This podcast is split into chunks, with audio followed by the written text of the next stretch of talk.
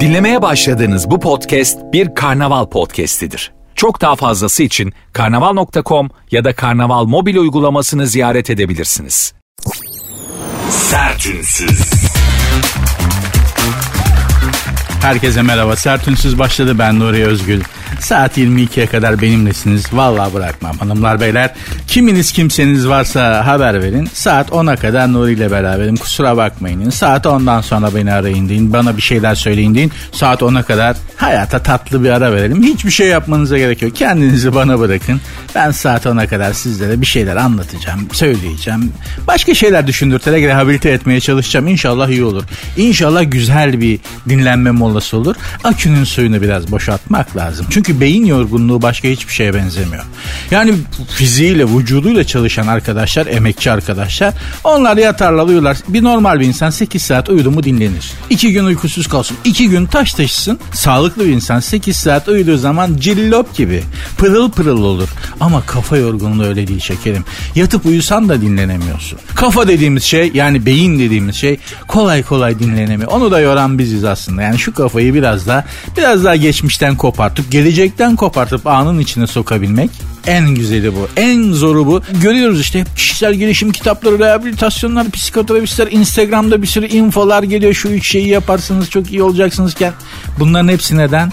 Şu kafatasının içindeki şeyi biraz sakinleştirebilmek. Biraz normal bir tempoda çalıştırtabilmek için. Bunun da yolu hem geçmişten hem gelecekten kopartıp şu anın içerisinde kalabilmek. Bunun da tek yolu var. Beni dinleyeceksiniz şekerim. Ben sizi kendi gerçekliğinizden kopartacağım. Biraz başka şeyler düşündürteceğim. Günün, günlerin ve gündemin bünyenizde biriktirdiği negatifi alıp size pozitif vermeye çalışacağım. Ha sen ne var mı ki diyeceksiniz. Vallahi bende de yok. Bulacağız, buluşturacağız işte. Haber haber bir şeyler. Ben de size bir şeyler yapabileceğim. Ben size söylüyorum da ben kendim bu söylediğimden azade miyim? Değilim. Ben de yapamıyorum ama hep beraber hani tek tek yapamıyoruz. Bakalım hep beraber başarabilecek miyiz durumu? Bu program bunun için yapılıyor hanımlar beyler. Sizin yapacağınız tek şey kendinizi kasmamak, bana bırakmak. Onun dışında bırakın her şeyi ben yapacağım. Biraz da istirahat edin canım. Biraz da birileri sizin için bir şey yapsın ya. Hep Yaptığınız işlere dikkat edin. Koşturmacanızı göz önüne getirin. Kendinizi şöyle bir gözden geçirin. Yaptıklarınızın çoğu başkaları için. Çocuklar büyüsün işte araba alayım alayım alayım. Ya hep bir şeyler başkaları için temelde.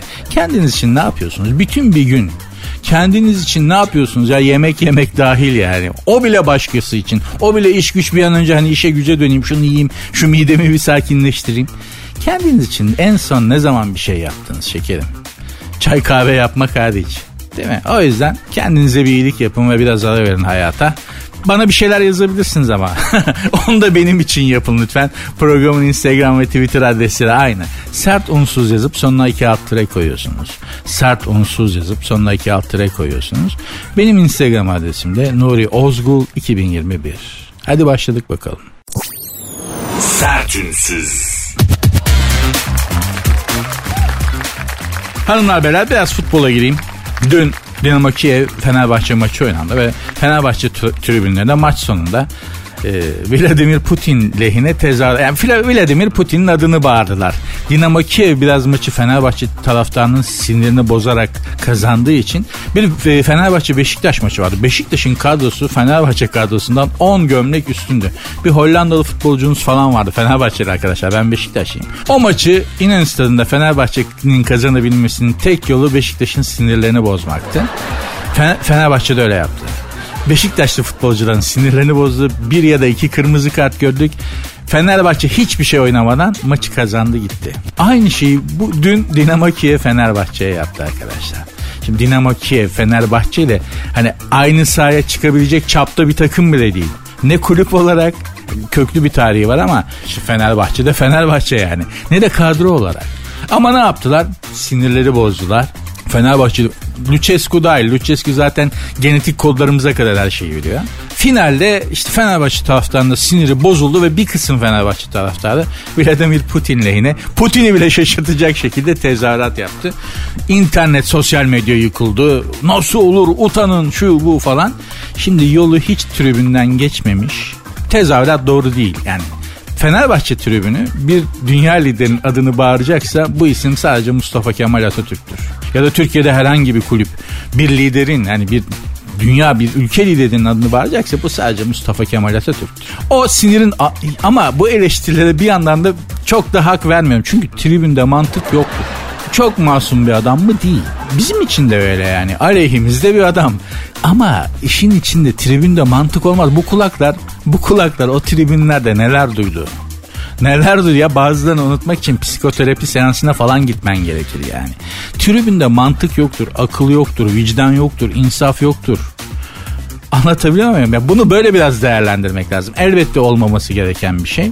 Elbette bence de Fenerbahçe kulübü o taraftarlar adına özür dilemeli ama tribünde mantık olmaz arkadaşlar. olmaz yani. Yani beni dinleyen arkadaşlar maç tribün te- e, tecrübelerini bir gözden geçirsinler. İş şirazesinden çıkınca bir de böyle büyük bir beklentiyle gittiğin bir maçta yeniliyorsan oho kendi ailen kendi sülalen dahil yani. neler neler. Bunlar böyledir bu işler böyledir. Ama gerçekten de bu anonsu şöyle bağlamak lazım. Hem Fenerbahçe taraftarına yakışan hem Türkiye'deki diğer bütün kulüp taraftarlarına yakışan. Eğer yani bir liderin adını bağıracaksak bu Mustafa Kemal Atatürk. Bize yakışan budur yani. Hani başka Putin de çok şaşırmıştır ama ne oluyor lan diye. Kesin birinden sormuştur. Oğlum ne oldu lan? Türkiye'de neler oluyor beyler diye toplantı falan yapmıştır adamlar yani. Avrupa basını da yıkıldı. Biraz baktın işte İstanbul'da büyük skandal. İstanbul'da öyle olur mu? Lan siz neler yapıyorsunuz? Özellikle İtalyan Nazi selamı veren e, e, İngiliz şey özür dilerim Nazi selamı veren İtalyan takımı taraftarları var. Takımın adını da söyleyeyim Lazio. Eğer armasına da dikkat edin Nazi kartalına benzer armaları bile. Faşist bir takım. Her maçta neler yapıyor. Ya bir kaptanları vardı bunların ruh hastası. Gol attıktan sonra gitti tribüne bayağı bildiğin Nazi selamı verdi ya. Bildiğin Nazi selamı verdi. O zaman hiç manşetler yıkılmadı. Ortalık birbirine kalkmadı. Az şey mi? Diyeceğim Avrupa'nın iki yüzlülüğü bir yana onlar için biz doğudaki işte sömürülmesi gereken, kafasına sürekli vurulması gereken bir insanlar topluluğuyuz onlar için. Onların bakış açısı böyle. Diyeceğim hani Avrupa'ya dünyaya rezil olduk. Lan dünya önce kendine baksın. Tamam olduk. olduk da dünya kendi rezaletini düzeltsin önce yani. Neler görüyoruz hanımlar beyler. Fenerbahçe UEFA Şampiyonlar Ligi'nde başarılar dilerim. Doğru olanı yapıldı. Zaten Şampiyonlar Ligi'ne gidecek takım Türkiye'de yok. Yani ben Beşiktaş taraftarıyım. Şampiyonlar Ligi gruplarından namalup çıktık biz arkadaş. Kulübün durumunu görüyorsun değil mi şimdi? Çok değil yani birkaç sene önce Şampiyonlar Ligi'nde gruplardan namalup çıkan tek takım mıydık? Ya da bir Real Madrid'le falan mı beraber çıktık? E e yani Şampiyonlar Ligi müziğini sırf dinleme fantazisi için de hiç gerek yok arkadaşlar. UEFA Şampiyonlar Ligi mantıklı bir tercih Fenerbahçe için. Orada da çok başarılı olacağına inanıyorum ve başarılar diliyorum. Sevgili arkadaşım e, meslek ustam ve Fenerbahçe'nin delisi Cem Aslan'a da buradan kendisini göremedim ama turnede geçmiş olsun diliyorum Cem. Olur böyle şeyler be. Çocuğun saçları Fenerbahçe uğruna beyazladı. Böyle zifir gibi simsiyah saçları vardı Cem Aslan'ın. Gece gibi. İki sezonda bitirdiler adamı ya. Neyse olur bunlar. Benim de saçlarındaki beyazlarda Beşiktaş'ın katkısı çoktur yani. Yüzde otuz Beşiktaş'tır. Onu da söyleyeyim. böyle taraftarlık böyle. Kulüp sevmek böyle bir şey. Başarılar. Sertünsüz. En zengin 500 6 ayda 1.4 trilyon dolar kaybetti ki rakamın büyüklüğüne dilim alışık olmadığı için dilim dolandı. Bir daha söylüyorum. En zengin 500 6 ayda 1 trilyon 400 milyar dolar kaybetti. En zengin 500 dediği tabi başlığı atan arkadaşın e, Türkçe öğretmenine saygılar sunuyoruz. En zengin 500 dünyanın en zengin 500 insanı 6 ayda 1.4 trilyon dolar kaybetmiş. Sebep işte ekonomik durumlar, hisse değerlerindeki dev kayıplar, e, dünyadaki ekonomi büyük ekonomik dalgalanma. FED gene faiz attırdı. Doları düşünmek istemiyorum. Bakmıyorum zaten yani dolara. Hani böyle korkunç bir film seyredersiniz ya böyle dehşet bir sahne gelir ve bakamazsın böyle kafanı çevirirsin ya da böyle çok elin bir kaza görürsün kötü finali çok böyle kanlı bir kaza görsün. Başını çevirsin bakamazsın ya. Dolar kuru artık öyle bir şey oldu. Yani döviz bürolarının önünden falan geçerken başımı öbür tarafa çekiyorum. Böyle o tabelaya bakmak, o ışıklı kuru gösteren tabelaya bakmak içim el vermiyor anlıyor musun yani? Böyle içim kıyılıyor. Sanki çok kanlı bir sahne izlemişim gibi falan geliyor. Dünyada büyük bir dalgalanma var. En zengin 500 kişinin 1.4 trilyon kaybetmesi de ve adamlar hala zengin. Yani şöyle düşünün arkadaşlar. Adamlar 6 ayda 1 milyar 400 milyar dolar bir özür dilerim rakamı hala telaffuz edemiyorum bak. 1 trilyon 400 milyar dolar kaybediyorlar 6 ayda ve hala dünyanın en zengin insanları. İşte zenginlik bu. Evin var, yüzme havuzlu vildan var, işte ne bileyim iş iş fabrikan var, dükkanın var, esnafsın. Sen zengin değilsin baba. Zenginlik öyle bir şey değil. Banka krediyi kesse yarın açsın. Öyle zengin mi olunur be? Zengin böyle olur bak. Adamlar 1 trilyon 500 milyar para kaybetmişler. Hala zenginler. Adama diyorsun ki abi efendim 6 ay sonunda bilançolar çıkıyor falan böyle nakit akım tabloları şunlar bunlar. Evet yavrum nedir sonuç diye soruyorsun mali işlerin başındaki adama. Efendim e, bu senenin ilk 6 ayında evet 500 milyar dolar kaybettik. Yapma ya. Ne oldu Bağcılar'daki kiracı ödüyor mu kirayı? Bak 3 ay herif hala orada. Adam prensip peşinde çünkü. Zengin insan paranın peşinde koşmaz prensiplerinin peşinde koşar. Biliyoruz da konuşuyoruz. Zengin tanıdık. Yani zengin denen insanlardan tanıdıklarım oldu. Bir iki tane başka bir şey abi. Hiç alakası yok yani. Hani evi var. Ara bizim zenginlik ölçümüzü düşünün. Para şu. O bir şey değil. Zenginlik bir hal. Tuhaf bir şey yani. Bir de hani parayla falan ölçülmüyor. Para kaybetse de zengin adam ya. Hala parası var. Aklınız basıyor mu? Basmıyor. İşte bu yüzden fakiriz. Söylediğim saçma geliyor değil mi? Aslında değil. Anlayamıyoruz biz. Hani uzayın büyüklüğünü, evrenin büyüklüğünü, kara delikleri, galaksilerin büyüklüğünü falan anlayamıyoruz ya. Zenginlik de tam böyle bir şey. Sen ben anlayamıyoruz. Zaten o yüzden zengin olamıyoruz bahsettim mi bilmem ama tekrar bahsedeyim. İşte bir iş adamının iflas ettiği söylenmişti. Ben de o zaman çalıştığım dergi için onunla röportaj yapmaya gitmiştim. E, kabul etti adam. Pek röportaj kabul etmiyordu. Dedi ki sizinle röportaj yapmak istiyoruz. Yani bu iş nasıl battınız, nasıl bitti falan. Bunları konuşmayacağız. Bu işin daha çok böyle hani psikolojisini, halini konuşacağız falan diye böyle bir mesaj gönderdik adama. Kabul etti. Gittim. Nereye gideceğim? Yeniköy'de bilmem ne yalısı. Efendim baba sen iflas etmedin mi? nasıl Yeniköy'de bilmem ne yalısı? İçeriye bir girdim. Hakikaten böyle ancak filmlerde görebileceğiniz antikalar, muhteşem bir dekorasyon, süzülmüş bir zevkle döşendiği çok belli evin. Üç tane hizmetçiden geçtim. Biri öbürüne götürdü, öbürü öbürüne götürdü. En son beyefendiye götürdük. Böyle işte güzel bir fiskos masasının önünde boğaz böyle ta dev bir tanker geçiyor. Hiç unutmuyorum. Sanki evin içinden geçiyor tanker. Yani o kadar e, denize sıfır ve yakın muhteşem bir İstanbul Boğazı manzarası. Ağzım açık kaldı. Adam hatta ikaz etmek zorunda kaldı. Buyurun oturun ayakta kalmayın dedi. Ben böyle şaşırmışım etrafa bakıyorum ya. Lan bu nasıl oluyor? Bir insan bunu nasıl... Meğerse onu bir insan yapamıyormuş. Yani dört kuşak öteden dede hangi dedeyse o başlamış çalışmaya. Babaya gele gele bu hale gelmişler. Evet, efendim neyse. Adama dedim ki ya sizin için iflas etti diyorlar ama bu dedim çok iflas etmiş gibi durmuyorsunuz. Adam güldü böyle. Biz de ancak bu kadar iflas, iflas edebiliyoruz Nuri Beyciğim. yani dediğim zengin iflas etse de zengin. Şekerim. Yoksa dediğim gibi hani biz insanlara bakıyoruz. Vay ev, araba, iş güç yolunda falan diyor ya zengin banka kredi vermesin yarın senden benden aç çoğu. onların. Hepsi öyle yani biliyoruz zenginlik öyle bir şey değil arkadaşlar. Bizim kafa basmıyor ayrı konu. Biz kafamızın bastığı işlere bakalım. Hanımlar beyler mentionlaşalım ayrıca. Sizden ricam bana yazmanız her konuda yazabilirsiniz. Zaten programın Instagram ve Twitter adresleri aynı. Kolaylık olsun diye. Sert unsuz yazıp sonuna iki alt tire koyuyorsunuz. Sert unsuz yazıp sonuna iki alt tire koyuyorsunuz. Benim Instagram adresim de Nuri Ozgul 2021. Sertünsüz. Şimdi moda kahverengi gürültüymüş arkadaşlar. Beyaz gürültü ve pembe gürültüden sonra bu kez de seste moda kahverengi gürültü diye bir şeymiş. Kahverengi sesleri dinleyerek rahatladıklarını söyleyenlerin sayısı artıyormuş. Gök gürültüsü, şelale gibi sesleri dinlemenin hafızayı güçlendirdiği, odaklanmayı ve uyku kalitesini arttırdığı ve kulak çınlamasına iyi geldiği söyleniyormuş. Radyatör, televizyon, saç kurutma makinesi sesleri beyaz gürültüymüş. Bunları dinlemek de beyne iyi geliyormuş. Tekrar söylüyorum radyatör, televizyon, saç kurutma makinesi sesleri beyaz gürültüymüş.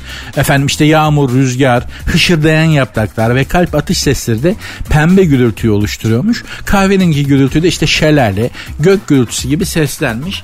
Şimdi ben İstanbul'da yaşayan biri olarak söylüyorum. Bizim de bir renk vermemiz gereken bir gürültüler var. Genelde bu gece yarısı e, çok özür dilerim ama sığır gibi böyle yüksek sesle konuşan balkonda falan diye böyle gece saat 1'de konuşan komşunun sesi. Yine böyle gece vakti son servisten gece vardiyasını evlerine dağıtıp dönmüş komşu servisçinin arabayı park ederken geri vitese takınca ne ne ne ne ne ne ne ne ne ne ne ne ne diye böyle saçma bir geri vites müziği var ya da pip pip pip diye öter. Gecenin bir yarısı böyle yataktan fırlatır. O. Değil mi? Başka onun dışında egzozu patlak motorcu kurye onların sesi zaten kat, tamamen katastrofi. Son ses böyle müziği açmış geçen ups ups ups ups az gelişmiş tipler. Değil mi böyle gecenin bir yarısı geçer evin önünden böyle özellikle ev yolun kenarındaysa. Bunun gibi daha bir takım İstanbul'da bizim gürültü diye duyduğumuz bu. Başka bir hani ses diye duyduğumuz bunlar. Başka ses hatırlayan var mı İstanbul'da güzel ses hatırlayan? Hani martıların çığlıkları. Orhan Veli'nin o şiirini düşünün değil mi? İstanbul'u dinliyorum gözlerim kapalı. Adam martı sesleri işte yoğurtçunun çıngırağının sesi ki hiç gürültü değildir. Ben de çocukken yoğurtçular geçerdi sokağımızdan. O yoğurtçunun çıngırağı o kadar güzeldir ki o ses. Bildiğiniz çıngırak sesi ama çok güzeldir. Seyyar satıcıların sesleri. Ferhan Şensoy'un toprağı bol olsun Allah rahmet eylesin. İstanbul'u satıyorum oyununda bir e, Mimar Sinan'ın söylettiği bir şarkı vardır. E, İstanbul satıcılarının sesi harikadır. Bulabiliyorsanız YouTube'dan dinleyin. İstanbul'daki satıcıların sesi turşucunun, salepçinin, yoğurtçunun İstanbul'da yaşıyorsanız artık bunların hiçbirini duyamazsınız. İstanbul'da duyacağınız sesler bunlar. Komşunun sesi haydola haydola. Ya çocuk gürültüsü saçma sapan hiperaktif. Nedense bütün çocuklar hiperaktif artık galiba. Acayip gürültülüler. Yok çok yüksek sesle bağırıyorlar. Durup dururken çığlık atıyorlar hiçbir şey yokken. Çok acayip. Çocukken biz de mi böyleydik diye düşünüyorum. Belki öyleydi ama bence öyle değil. Şimdi çocuklarda bir enteresanlık var yani. Neyse işte bir komşu gürültüsü, çocuk gürültüsü, patlak egzoz. Değil mi? Servis arabalarının geri viteste çıkardığı o saçma sapan sesler ve müzikler. Bu yani bu bunlara da bir renk vermemiz gerekir diye düşünüyorum. Renk önerinizi bekliyorum. Beyaz gürültü, pembe gürültü ve kahverengi gürültüden sonra İstanbul gürültüsü insanı çıldırtan, dedirten İstanbul gürültüsüne de bir renk vermemiz lazım. Ben moru öneriyorum. Yani depresif bir renk. Çünkü İstanbul'da yaşıyorsan yani İstanbul'a girdiysen mesela havaalanından ya da işte arabayla karayolundan İstanbul'a girdiğin zaman sadece İstanbul'a girmiş olmuyorsun. Depresyona da giriyorsun. Yani hani sadece İstanbul'a gelmiyor. Hoş geldin depresyon. İstanbul'un girişinde öyle İstanbul'a hoş geldiniz altına da şey depresyona hoş geldiniz. İki şey yazacaksın. Yani başka yolu yok. Şehir böyle bir şehir. Burada yaşıyorsan bunun bedeli de bu. Depresyona sokuyorlar abi. Sen girmesen bile sokuyorlar yani. Allah sunumuzu hayretsin. İnşallah güzel olur. Sertünsüz. Ay'a giden cekete 2 milyon dolar. Ay'a Neil Armstrong'dan sonra ayak basan ikinci insan olan Buzz Aldrin Buzz Aldrin daha doğrusu. Bakın pek çoğumuz adını ben de şimdi hani Ay'a ilk kim gitti ya falan desen Neil Armstrong. İkinciyi hiçbir zaman hatırlamazlar ha. Gerçekten böyledir yani. İkinciyi Kimse hatırlamaz. Hep birinci hatırlan. Bazı Aldrin abi kaçımız biliyoruz adını. Ben de yani hani hasbel kader bir iki kere duymuştum. Ama sorsan neydi ya falan filan derim. Ama Neil Armstrong'u hepimiz biliyoruz. Buzz Aldrin efendim ikinci Neil Armstrong'dan sonra aya ikinci adım atan abimizin uzaya giderken giydiği mont 2 milyon dolara satılmış. Mont aya gitti geldi şık 2 milyonlara. Artık onu sen Mahmut Paşa'da işportadan mı aldın? Bu ürün çakma ürün mü fark etmez abi. Nesnelere değerini veren şey zaman ve mekandır dandik şu an böyle işte işportada satılan en dandik saati 100 liraya satılan saati al götür Arabistan'da bir çöle göm 100 sene sonra paha biçemezsin ona. Zaman değer verir nesnelere ve mekan ve yaşanmışlıklar tabii. Nesne insan ilişkisi çok enteresandır. Felsefenin de çok önemli bir koludur ama oraya girmeyeceğim. Acaba cebinden para çıktı mı? Yani bu mont bu mont işinde hani uzaya muzaya gitmiş montumuz yok ama geçen kıştan hani montu aldığınız kış geldi gene giyeceksiniz. Eli cebe bir atıyorsunuz. Aa 100 kağıt kalmış. Geçen kıştan. Hiç başınıza denk geldi mi? Benim bir iki kere denk geldi. Ya geçen kıştan montun cebinde kalmış paranın para kadar tatlı bir şey yok ha. çok bak bir babadan aldığın harçlık çok tatlıdır. Bitmek bilmez yani bereketli olur değil mi? Anne babadan aldığın harçlık. Bir de bu arkadaşlar montun pantolonun cebinde kalmış. Geçen kıştan değil mi? Birkaç ay önceden kalmış para mesela. Onlar çok tatlıdır. Acaba bu Baz Aldrin'in cebinden de adam 2 milyon dolar para verdi. Verdi ya 2 milyon alanı düşünün. 2 milyon dolar cash on the table parayı basmış uzaya giden montu almış. Aa ne güzel diyor. Eli cebe bir atıyor. 100 dolar çıkıyor. O 2 milyon dolardan daha tatlı gelir ha ona. Yani o 2 milyon dolardan daha büyük gelir o. Çünkü beleş para abi. Yani hiçbir şey yapmamışsın. Hiçbir enerji sarf etmemişsin. Kendi paran bile olsa. O senin dünyanda yok tık diye çıkıyor ya. Ve o beleşin tadı da hiçbir şeyde yok ya. Çok beleşçi bir adam sayılmam. Arada bir yığıldığım arkadaşlarım olmuştur. Hepimiz yapmışızdır yani hesabı kitlediğimiz. Ufaktan yığıldığımız şakacıktan da olsa. Vardır böyle e, durumlar yani ama hani bu hiçbir şey yapmadan senin olmuş helalinden senin olmuş para kadar da tatlı bir şey yoktur arkadaşlar ya. Gerçekten öyle. Başınıza geldi mi bilmiyorum ama e, bir dahakine şimdi kış geliyor artık ufaktan. Ucu gözüktü yani en azından sonbaharın. Montlar falan çıkacak ceplere bir bakın. Cepte 5 lira bile çıksa değil mi? Bir şeydir abi bu yoklukta 5 lira bile Güzel para yani. Tam 5 lirayla bir şey yapıp su alabiliyorsun. Onun dışında çok fazla bir şey. Yani çay, may nerede 5 liraya çay abi? 5 liraya çay içilen bir yer varsa İstanbul'da söyleyin gidelim. ya onda da yol parasıyla zaten maliyet artıyor. Neyse efendim. Diyeceğim bu 2 milyon doları kim verdi? Yani uzaya gitmiş bir monta 2 milyon dolar verir misiniz? Çok param olsa bile yani milyar dolarım olsa bile ya aman mont be kardeşim uzaya gitmiş gelmiş ne yapacağım 2 milyon dolar şimdi oraya o para mı verilir yani? Ben öyle derim şahsen. Abi bu mont aya gitti geldi. Bana ne? Ben gitmişsem okey ama onun dışında böyle şeyler için açıkçası para harcamam. Zaten hani diyorum ya büfeden müfeden bir şey alırken cepten para çıkarırken 5 lira düşürsen yere. Rüzgarla bir de o kağıt para gidiyor ya. Onu yakalamak için böyle ayağınla uzatırsa da peşinden koşarsın ya. Madagaskar maymunu gibi. Böyle tıt tıt, rüzgarda böyle giden bozuk 5 lira. 5 lira için bile Madagaskar maymunu olan insanım ben. 2 milyon doları verir miyim ona ya? Akıl var mantık var kardeşim. Bu parayı ağaçtan mı topluyoruz yani? Sertünsüz. Hemoroid hızla yayılıyormuş arkadaşlar. Dünyada sinsi bir tehlikeymiş hemoroid. Hemoroid efendim e, vücudumuzun yani e, halk arasında basur çok affedersiniz basur diye tabir edilen rahatsızlık dünyada çok yaygınlaşmaya başlamış. Aşırı artmış artık.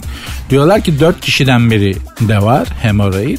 Hemoroid tam olarak işte vücudumuzun kuzeyinde ortaya çıkan sıra dağlar şeklinde. Radyoda söylenebilecek tanımı bu. Benim bulabildiğim yani. Vücudumuzun kuzey tarafında beliren sıra dağlar gibi e, anım, e, tanımlayabiliriz. Oturmak bahsinde insanı çok gerçekten hani Allah kimseye vermesin. Oturamazsın kalkamazsın. Öyle yani pis bir durum görüyoruz yani bunun hatta aparatı falan veriliyor doktor tarafından yani elinde böyle simit gibi yuvarlak klozet kapağı gibi süngerden bir şeyle geziyor. baba bu ne? Can simidi mi? Bir nevi canım falan ne yapsın baba? Sıkıntılı bir durumdur. Hızla artıyormuş, hızla yayılıyormuş. Şimdi efendim hemoroid ya da basur deyip gerçekten geçmemek lazım. Dünya tarihini şekillendirmiş Avrupa haritasını belirlemiş bir e, hastalıktır. Her hastalık böyle değil işte veba mesela Avrupa haritasını şekillendirmiştir, dünya haritasını. Hatta ekonomik durumu bile Avrupa'nın bugün zirve yapmasının temelinde o yaşadığı büyük veba salgını var aslında. Hani mahvolmuşlar, dağılmışlar. Avrupa nüfusu yarıya neredeyse düşmüş ama işte bu hastalık Avrupa nüfusunu biçerek nüfusu azaltıp sonra tadım, verimli tarım alanlarını kullanmalar var. Uzun hikaye aman oralara girmeyelim falan ama dünya e, haritasını, dünyanın kaderini, dünyayı şekle sokan bir hastalık olarak hastalıklardan biri. Hemoroid nasıl? Napolyon Bonaparte'da varmış. Napolyon Bonaparte'daki hemoroidi al okula yazdır. o kadar büyük. Anlatabiliyor muyum yani? o kadar e, büyük bir basuru varmış Napolyon Bonaparte'ın. Çok özür dilerim. Waterloo Savaşı çok Avrupa haritasını Fransa'nın kaderini belirleyen bir savaştır. Waterloo Savaşı meşhur. Napolyon Bonaparte tam bu savaşta sen hemoroid bir az bir az Baba cepheye gidecek yani komutan ya bu Napolyon Bonaparte. Ön cephede savaşı yönetecek. Ama hemoroid azıyor ya baba ata binemiyor ki. ata binip gidecek cepheye orduyu yönetecek ata binemiyor. baba iki kişi koluna girip zor yürütüyorlar. Waterloo Savaşı bu yüzden neredeyse kaybediliyormuş arkadaşlar. Napolyon sebep lan komutan şimdi ordu öyle bir şey ki şimdi öyle değil. Şimdi ordular komutanlarını göremiyor. Ordu burada savaşıyor. Komutan 2500 kilometre ötede karargahtan di- dijital olarak talimatlar veriyor belki. Şimdi belki öyle değil artık ama eskiden ordu komutanı görmek zorunda sağlam, dinç, ayakta kendisini yönetirken görmek zorunda moral açısından. O yüzden bütün komutanlar cepheye gidiyorlar. Padişah niye savaşa gidiyor abi? Yani şimdi ben padişahım, ben kanun. Kanuni Sultan Süleyman'ın 20 senesi seferde geçmiş. 20 sene savaşmış adam. Düşünün ya ömrünün 20 senesi harp alanlarına geçmiş. Abi dünyanın en güçlü adamısın. Evet. Zahmet edip savaşa niye gideceksin ya? Emrinde komutan mı yok? Yani dünyanın en iyi generalleri şu anki şeyle söyleyelim paşalar falan. Senin emrinin altında yavrum gelin alın gelin orayı falan dersin gider gelir ama bizzat kendisi gidiyor. Neden? Ordu onu görmek zorunda. Moral açısından. Anlatabiliyor muyum? Bu Napolyon'un da görmek istiyorlar. Görmesi de kolay bir adam değil zaten. Godikarpa'nın teki kısacık bir boyu var. Mezarına da gitmiştim toprağı bol olsun. Dokuz tabutun içine gömmüşler. Böyle heybetli bir lahtin içinde duruyor. Kahverengi böyle ağaçtan sanki. Ya dedim bu Napolyon Bonaparte için de kısa diyorlardı. Baya heybetliymiş. Abi dedi hani bu Rus bebekler var ya matruşka açıyorsun bir tane daha çıkıyor. Açıyorsun bir tane daha çıkıyor. Babayı öyle dokuz tabutun içinde artık hani hortlasa bir daha çıkamasın bir daha ortalığı karıştırmasın diye mi öyle gömdüler adamı? Bilmiyorum ama dokuz tabutun içinde yatıyor bir kilisenin ortasında. Gittik gördük mezarını yani. Zaten ne demişler hani boyu kısa olan arkadaşlar affetsinler laf bana ait değil ama hani nerede varsa bir bodur Allah'ın cezası odur gibi halkımızın söylediği bir laf var. Gerçekten de eğer bunun özelinde Napolyon Bonaparte dikkat alırsanız öyle. Avrupa'nın ve Orta Doğu'nun, Mısır'ın, Afrika'nın, Kuzey Afrika'nın canını okumuş ya. Deli ya tutamıyorsun adam yani. Ya deli gibi aşık karısı Josephine bile tutamamış. Kadına sırılsıklam aşık, deli gibi aşık. Onun aşkı bile adamı tutamamış. Ben illa gideceğim. Orayı da alacağım. Burayı da alacağım. Ben ama Allah'tan hemoroidi varmış da çok fazla ata binememiş. Yoksa bu adam dünyanın tozunu atarmış yani. Aman aman aman Allah esirgesin. Diyeceğim hemoroid arkadaşlar ihmale gelmez bir hastalık. Dünyanın kaderini belirlemiş önemli hastalıklardan biri. İyi bakın kendinize. Domatesi, domatesi, acı biberi falan değil mi? Onları fazla kaçırmamakta büyük fayda var diyor doktorlar. Ben de buradan söyleyeyim. Allah şifa versin. Hepinize, hepimize. Yani fiziken bir sıkıntınız yoksa ruhsal bir problemimiz var. Hepimiz e, yaralı ruhlarız yani. Ruhları yaralanmış insanlarız. Yaşadığımız coğrafyayı böyle. O yüzden Allah hepimizin yardımcısı olsun. Çünkü birbirine yardım eden insanlar değiliz pek yani bu konuda. Maalesef. Sertünsüz. Adil Rami. Aslında Adil Rami. Bu çocuk e, Arap kökenli diyebiliyorum. Adil Rami diyor. Çünkü Avrupalının dili dönmüyor ya Adil Rami. Halbuki normal ne? Adil Rami. Hani eskiden bir Rus devlet başkanı vardı. Khrushchev.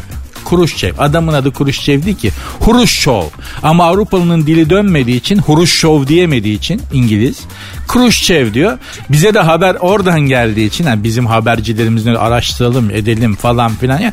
Avrupa ajanslarını dinliyorlar BBC oradan haber alıyorlar. Onlar da Khrushchev diyorlar. Halbuki Rus diline bizim dilimiz döner. Çene yapılarımız birbirine yakındır. Biz Rusçayı iyi telaffuz edebiliriz. Khrushchev değil Huruşşov aslında ama neyse. Böyle anlamsız ve gereksiz bir bilgiyle kafanızı biraz da şişirdikten sonra Adil Rami'nin söylediklerine geçelim. Bu arkadaş Türkiye'de futbol oynadı. kadroya girmek için teknik direktöre kazan aldığım primin yüzde bir kısmını veriyordum diyor. Bildiğiniz sakal atıyormuş teknik direktöre. Neden? onu kadroya alsın diye. Aslında çember şöyle işliyor. Teknik direktör sana diyor ki sen futbolcusun. Seni kadroya alırım ama bu maçın primi var. Evet o primin işte %20'sini bana atacaksın diyor teknik direktör. Olur hocam diyorsun. Seni kadroya alıyor. Oynuyorsun. Gelen primin %20'sini teknik direktöre çakıyorsun. Sistem bu. Var mı? Var. Türkiye'de var mı duymadım. Ama Pascal Numa'dan duydum. Pascal Numa arkadaşım beraber de çalıştık radyo programında Aragaz'da. O söylüyordu yani teknik direktör diyor bu Avrupa'da çok normaldir diyordu. Yani hani en büyük hocalar bile bunu yapar. Seni oynatırım. Prim alacaksın ama ben oynattığım için.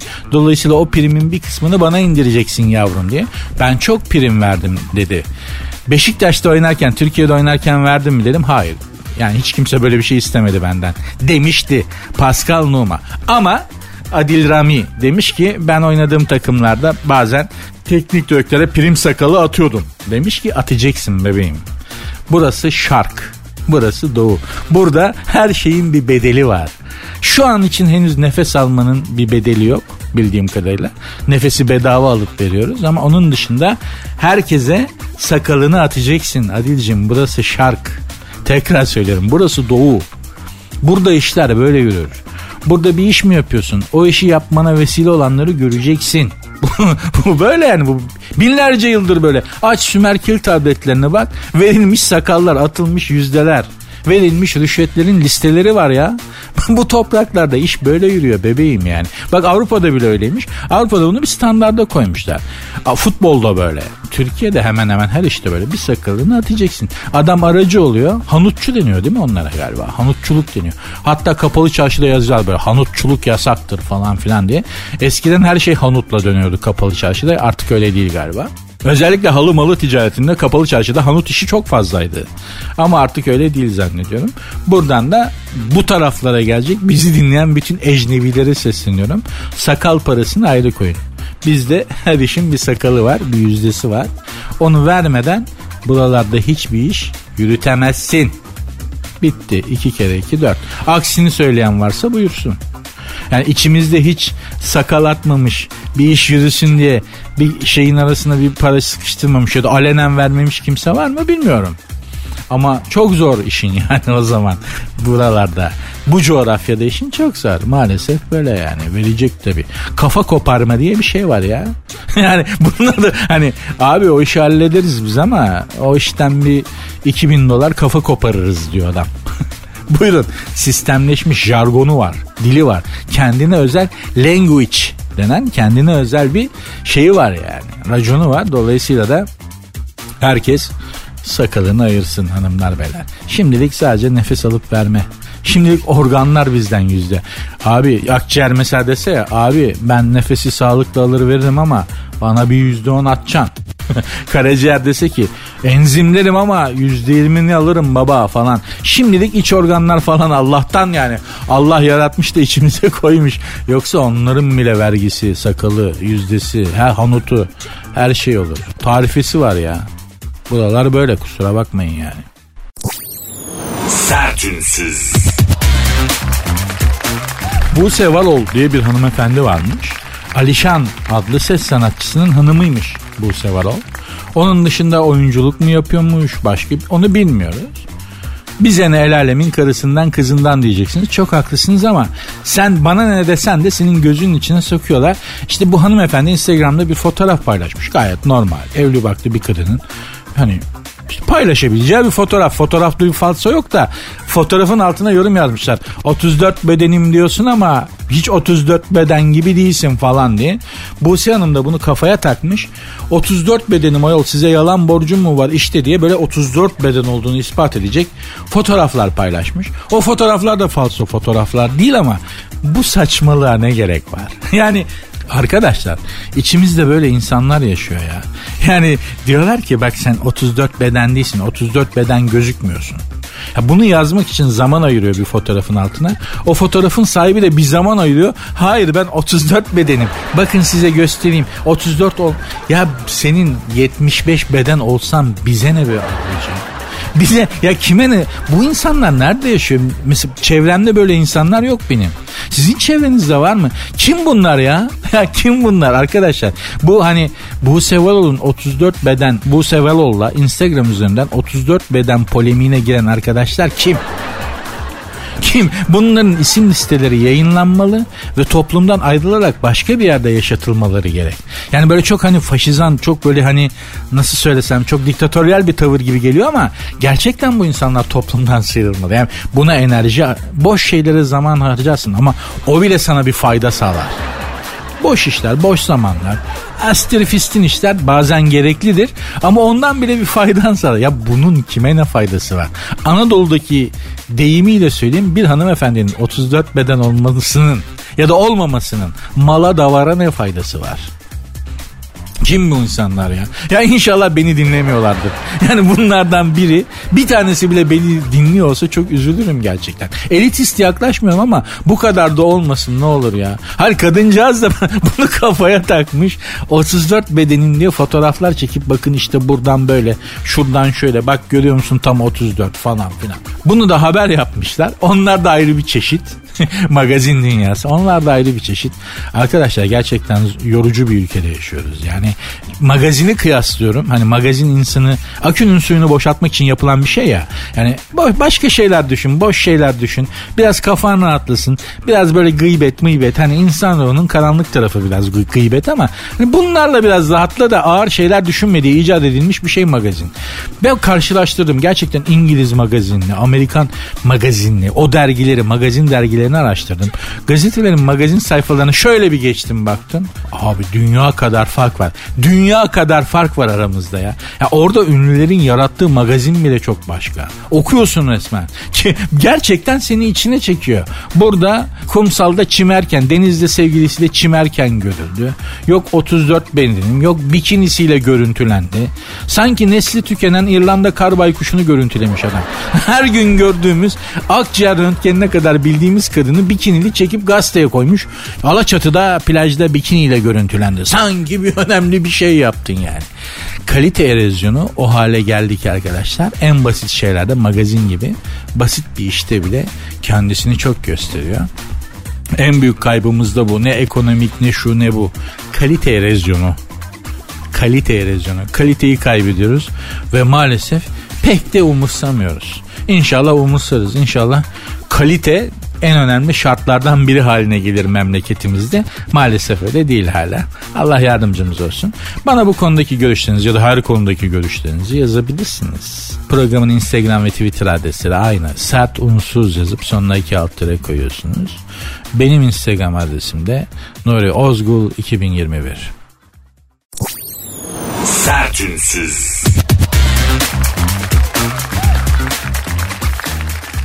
Burak Özçivit Rusya'da para karşılığında bazı hayranlarıyla bazı kadın hayranlarıyla yemek yemiş. Yani Rusya'ya ekstraya gitmiş arkadaşlar. Böyledir bazı mesela hoş sohbet insanları da işte 4-5 iş adamı toplanırlar yemeğe giderler. Hoş sohbet bir sanatçıyı da işte bir ücret ödeyerek davet ederler. Onlarla yemek yer o anlatır onlar dinlerler falan. Eğlenceli güzel bir akşam geçirmek için. Vardır böyle durumlar.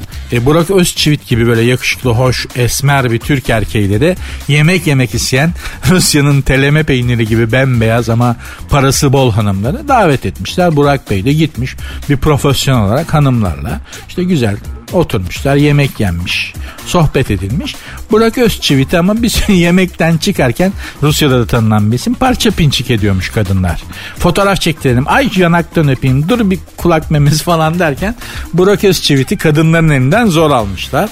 Şunu da yaşamayı çok isterdim be Vallahi hani beni kadınların elinden zor alsalar ya bir gün. Ya hiç olmazsa beni dinleyen arkadaş oğlum bir doğum günü sürprizi hediyesi falan yapmak istiyorsanız hiç olmazsa ya parayla ayarlayın şunu da böyle Nuri diye kendini parçalayan kadınların elinden kendi beni zor kurtarın falan. Yaşatın şunu ya. Ya hepimiz yaşamak istemez miyiz şimdi değil mi? Yani her erkek böyle bir hani Yunan tanrısı tavrı şeyi görmek ister. Yani isteriz bunu. bu kaçınılmaz bu. Doğamızda olan bir şey. Adam bunu kendi doğalında yaşıyor düşünün. Burak Özçivit helal olsun. Söyle, Can Yaman hani Roma'ya girerken havaalanında parçalıyorlar ya çocuğu böyle kadınlar. Can Yaman diye üstüne atlıyorlar falan.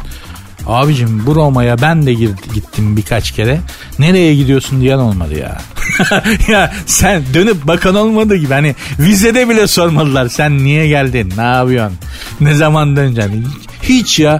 Ama can yamanı polis falan müdahale ediyor. Karabineriler falan giriyor araya. Neyse işte o bu haberin altına da e, haberi okuyanlar yorum yapmışlar. İşte Fahriye Evcen'e de e, teessüf ederiz. Ne cesaret kocanı oraya yolluyorsun falan diye. Fahriye Hanım kocasını işe yollamış kardeşim. Ama yani şimdi Burak Özçivit'in de işinin bir parçası bu. Bu tür ekstralar. Yani Fahriye Evcen git, ko- git koç yiğidim Moskova'da kendini eğlendir biraz.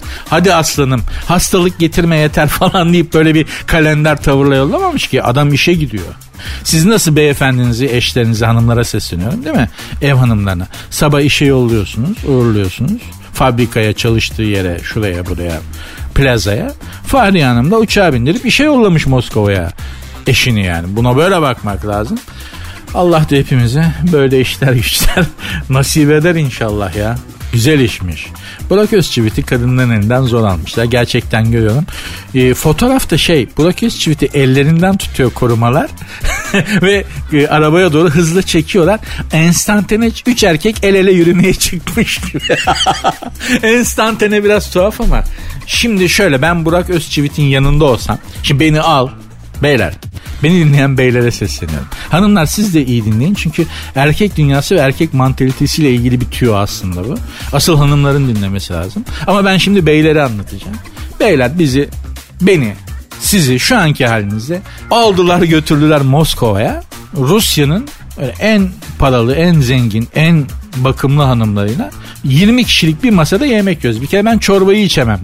Orada yani kaşık kaşıkta çorba durmaz titremeden ee, diye. Ekmeğe falan papara yapıp öyle yerim yani çorbaya. Çünkü dediğim gibi yani. Bir de ikincisi düşünün çıkışta bu kadınlar sizi parça pinçik etmeye başladı.